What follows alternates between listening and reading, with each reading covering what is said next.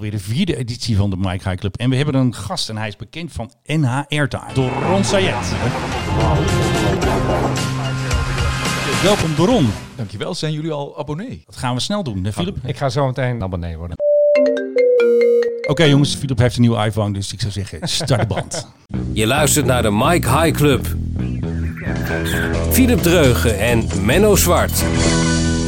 Ja, en we beginnen een beetje in mineer, want gisteren was er een eh, vliegtuigcrash met een Fokker 100. Ja, Back Air in Kazachstan, een van de grote nog gebruikers van de Fokker 100. Er zijn ook een paar maatschappijen in Iran die met die uh, kringen nog vliegen. Waarschijnlijk is het, wat ik heb gehoord tot nu toe, een uh, gebrekkige de-icing geweest. Kazachse businessman werd op de BBC aan het woord gelaten. Die zei van, ik ging door de nooduitgang boven de vleugel ging naar buiten. En toen gleed ik uit, want de vleugel die was glad, want er zat een laagje ijs op. Ja, en die Ja, conclusie werd snel een getrokken. beetje- hè? een ja, omdat het niet de eerste is. Ik weet niet hoe goed het in Kazachstan allemaal is geregeld, maar hij haalde ook geen hoogte. Dus dat duidt ook op dat er problemen waren met de vleugels. Dus wellicht dat het daardoor is gekomen. En wel een toestel met een geschiedenis, want dat had over heel veel maatschappijen gevlogen volgens mij. Ja, hij kwam uit Brazilië, eh, maar helemaal oorspronkelijk is het een van de Fokkers die ooit is geleverd aan American Airlines. Dat heeft natuurlijk ook heel veel te maken met de historie van Fokker, maar met name met het einde van Fokker. Want met name die deal voor American Airlines is toen ja, redelijk desastreus voor ze geweest. Maar in Nederland gebouwd en er is een onderzoeksteam van de Onderzoeksraad voor Veiligheid naar Kazachstan gestuurd. Dus we gaan toch eh, ons mee bemoeien eigenlijk dan. eh. Ja, toch een vliegtuig van ons.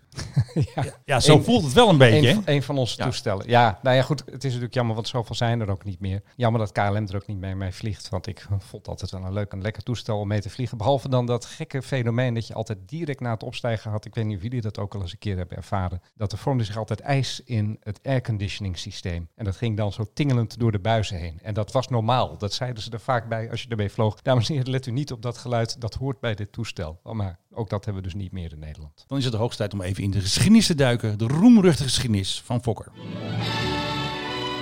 De Mike High Club, luchtvaarthistorie.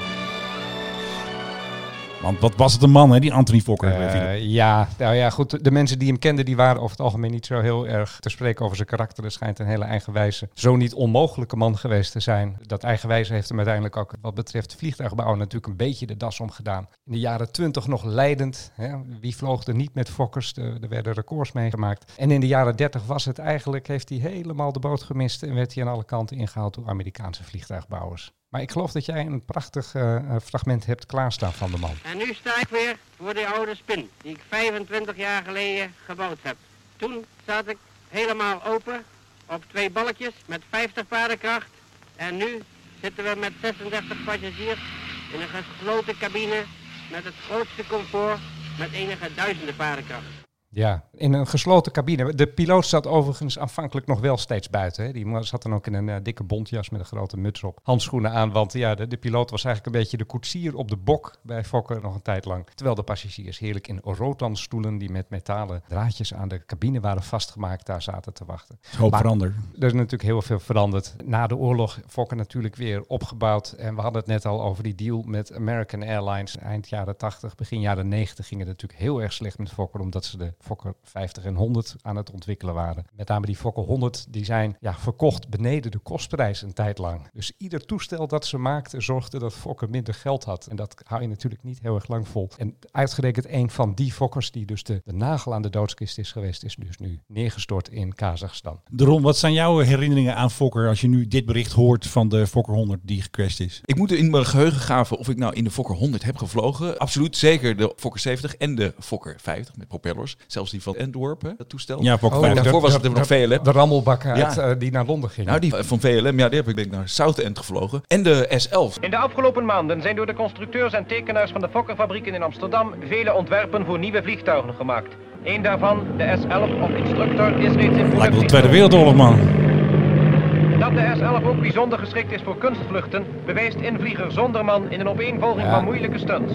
Loopings en rolls, Immelmans en Vliers en hoe die capriolen allemaal nog meer mogen heten. Ja, dat kan je nog steeds doen, hè? Ja, ja, tuurlijk, ja. Met, met de Fokker voor eh, in Lelystad. Ja. We zijn van na de fantastisch oorlog. geluid, Ja, ja. Ik zou wel dolgraag eens een keer mee willen. De naam Gerben Sonderman valt ook net natuurlijk legendarische Nederlandse piloot. Vriend van Prins Bernhard. Wat hij tijdens de oorlog heeft gedaan, daar eh, gaan allerlei geruchten over. Maar goed, Fokker natuurlijk toch een grote naam altijd geweest in de Nederlandse luchtvaart. Uh, absoluut mee eens. Ik vind het mooi dat die mannen van de Fokker voor nog steeds de, de Fokker levend houden. hè. Dat zijn echt de laatste vier Fokkers in, in Nederland. Ja, behalve het toestel dat op Lelystad Airport te zien is. En, Dat ja. telt niet. En, en wat dacht je van eh, die kist op het dak van eh, Schiphol Panoramadek? Weet jij overigens nog iets over de plannen om eh, Fokker eh, al dan niet met de naam Rekhoff weer opnieuw... De Ja. F-130? Ja, Ja. Dat, dat, dat verhaal dat hoorde ik ook, maar het lijkt mij zo kansloos eigenlijk. Ja, dat, eh, dat is net zoiets abstracts als Maastricht Airlines bijvoorbeeld. Daar wordt over gesproken, maar het komt er nooit van. Dat- wat denken jullie dat dit is? Het zijn Emirates, toch? Nee, dat is KLM. Kijk maar. Singapore Airlines. Oh. Gisteren was er een laatste vlucht van weer een KLM 747. Ja, de, de tweede in december. Hè. Het zijn twee 747-400 van KLM richting de Slopershamer gestuurd. Gisteren was het de BFI, de City of Jakarta. Ik was even bij. Zullen we even gaan luisteren hoe dat ging, dat eh, opstijgen?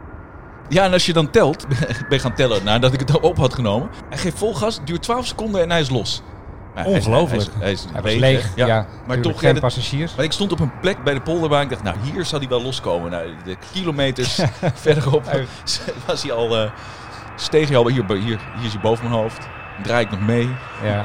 Maar Toch volgen. maar toch dit, dit, dit voelt toch echt als het einde van een tijdperk. Dat vind ik nou, het, het, Ja. ik word er ook wel een beetje triest van. Persoonlijk vind ik het een prachtig toestel. Jammer, ik begrijp het. Hij is niet efficiënt meer. En voor omwonenden is het een horror. Een lawaai-toestel. Er wordt het meest over geklaagd, hè, over de 747 van KLM. Ja. Vooral die vrachttoestellen. 2020 gaan ze waarschijnlijk helemaal ophouden met... met 21, eh, 21 ja. gaan ze ophouden helemaal. Als je nou nog zegt van, ik ben een groot liefhebber. Nou, laat ik voor mezelf spreken. Ik ben een groot liefhebber. Ik wil graag nog eens een keer met een 747 mee. Waar moet je dan heen, weet je dat? Nou, Curaçao is eh, volgens mij komend jaar al van de lijst af. Ja. Nairobi, Chicago hebben ze al afgestraft. Dus eh, ja, het is volgens mij is het LA. Alleen New Eh, York of zo? Of, eh, New York ook een van de drie vluchten per dag. en kan je dan ja. ook KLM vragen dat je gegarandeerd met de Nee, 747 nooit. hè. zeggen, gaat? zeggen ze, nee, is niet. Dan eh, zetten ze zomaar ja. een eh, Dreamliner neer. Ja. Ja, want de Curaçao, dat was echt gegarandeerd. Als je niet die tussenstop op Sint Maarten hoeft te maken, dan wist je, dan zit je in een 747. Ja, Maar dan komt die eh, Dreamliner 10 voor in de plaats. ja, snel boeken dus maar, lijkt mij. Ja, en even goed kijken naar bepaalde routes waar die echt gegarandeerd op zit. Mexico, Hm. dan moet je daarheen. Ja, ja. Ook geen straf natuurlijk. Nou, Mexico jongens, we zullen er missen. De Queen of the Skies. En dan is het nu de hoogste tijd voor Hé, waar is de PHGOV? Papa Oscar Victor, one is left echo 5, clear for.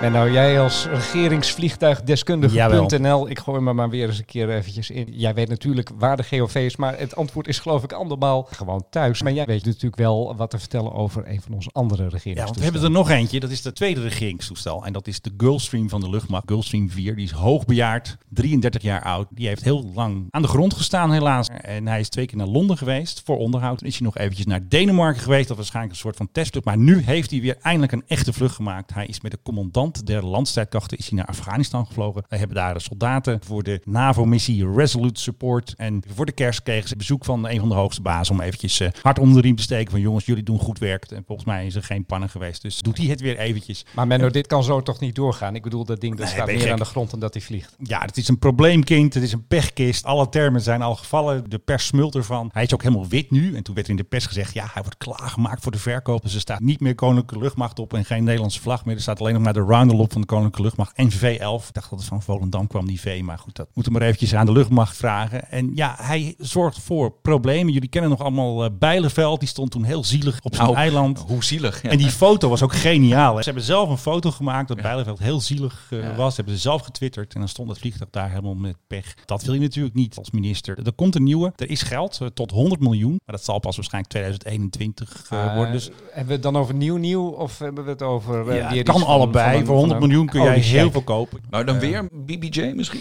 Dat denk ik niet. De luchtmacht zal dat denk ik niet doen. Die Kan in. Willem-Alexander kiezen, hè? Ja, dan zou je wel kunnen kiezen. Maar zij hebben Gulfstream-piloten die ervoor zijn opgeleid. Dus het meest logisch is dat er weer een Gulfstream komt. Ze hoeven daar niet weer een of andere oude kist vandaan te toveren. Zoals de vorige keer. Want het was toch een beetje gedoe met, heet die staatssecretaris ook weer? Gemelig Meiling was een beetje zijn eigen fladderkistje. Het was een beetje zijn persoonlijke projectje. Heeft je even heel snel door de Kamer heen geduwd toen. En nu willen ze het natuurlijk allemaal netjes doen. Waarschijnlijk zal het een gebruikte nieuw toestel. Hoe zei het ook alweer? Een nieuwe Hans of een tweedehands? Wat? Voor mij heet zoiets Occasion. gewoon een occasion. Maar Oh, oh. Ja, nee, ik weet hem al.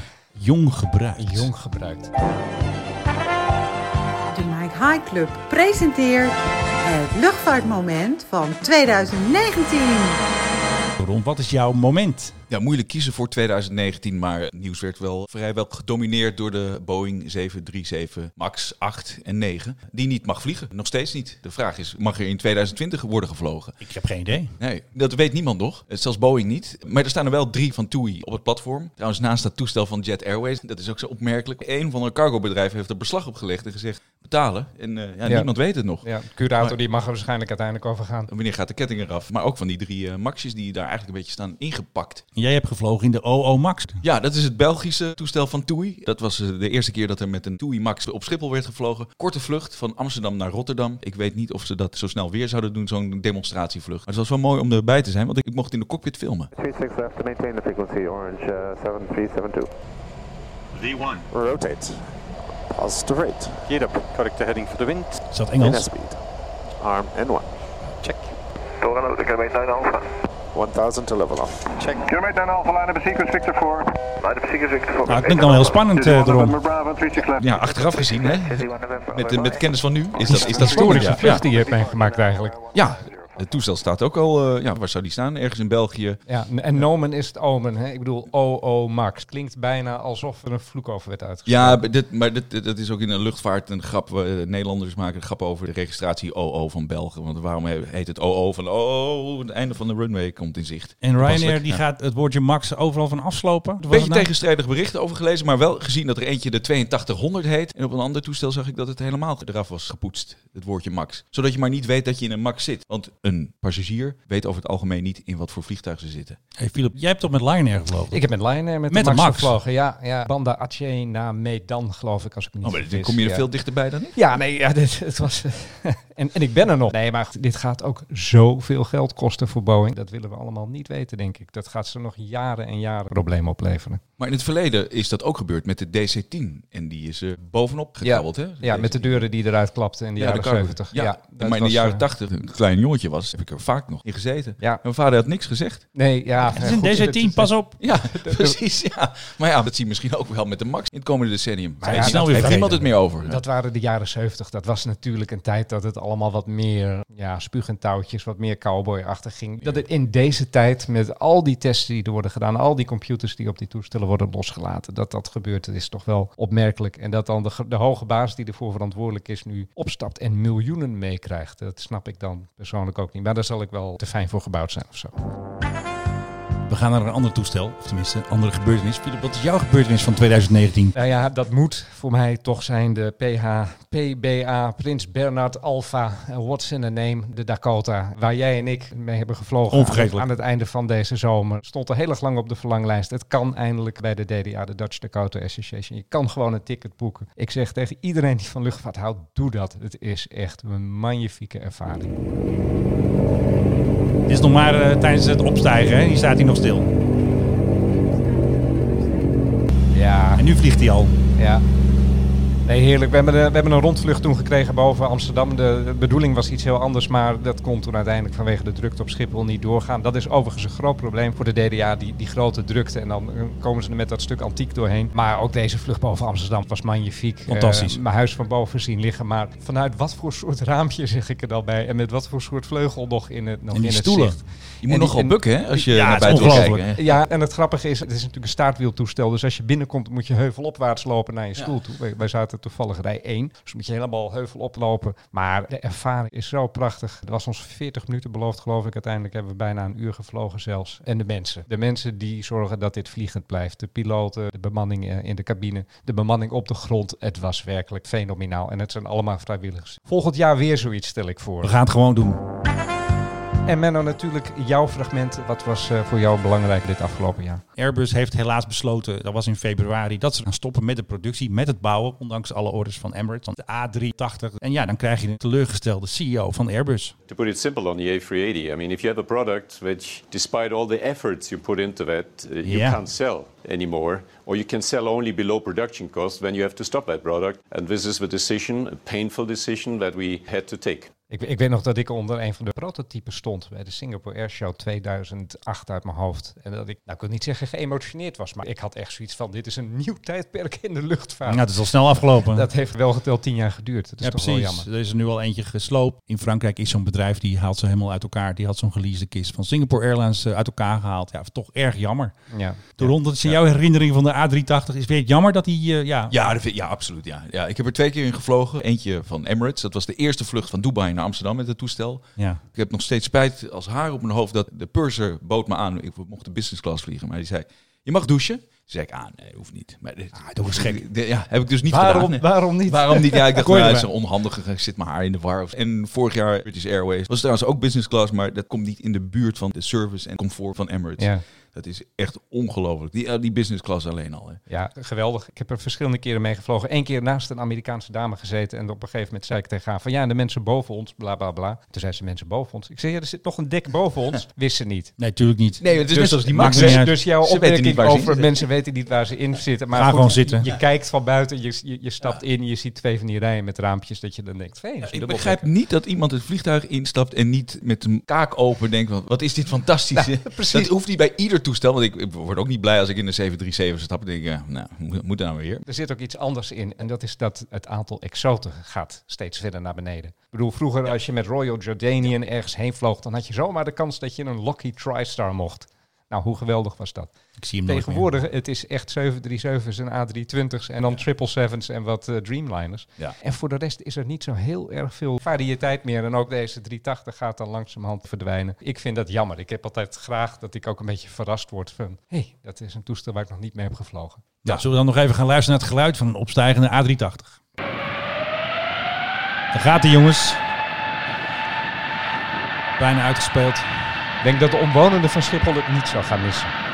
Maar toch, misschien stond Menno na, met zijn microfoon naast de, de baan toen hij dit opnam, of op de baan. Maar het is, eh, eh, hij is opmerkelijk stiller dan, dan die 747 Ja, die je ja. eerder hoorde. Het is echt on- ongelooflijk.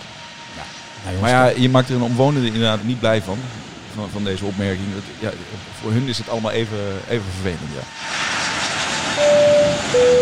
Ja, wat u niet weet, maar ik wel, we nemen dit alweer voor de derde keer op. De afsluit van alweer de vierde podcast van de Mike High Club. Ik wil natuurlijk heel graag onze gast bedanken, door Ron Sayed. Nou, dankjewel, je hebt een abonnee erbij. Maar eh, ja, eh, voorwaarde is dat jullie ook op mijn eh, kanaal abonneren. Gaan wij ook en doen, zeker. Op. YouTube? YouTube overal. Mag ook televisie kijken. Heb je al een podcast? Nee. Kom wel eens terug, zou ik dan zeggen. En ik wil vanuit deze plek even een shout-out doen naar de conculega's van Ready for Takeoff. En daar moeten we natuurlijk ook allemaal naar luisteren en lid van worden. Want eh, wij gaan natuurlijk eh, hier een eindje aan maken. En Philip, wat moeten we ook nog doen? Wij gaan iedereen gelukkig een jaar wensen. Lijkt me een goed idee. Tot de volgende week. Dit was de Mike High Club. We hope you enjoyed flying with us. Je kunt je natuurlijk ook abonneren via de Apple Podcast app, Spotify of de Google Play Music app. Dank voor het luisteren en tot de volgende podcast bij de Mike High Club.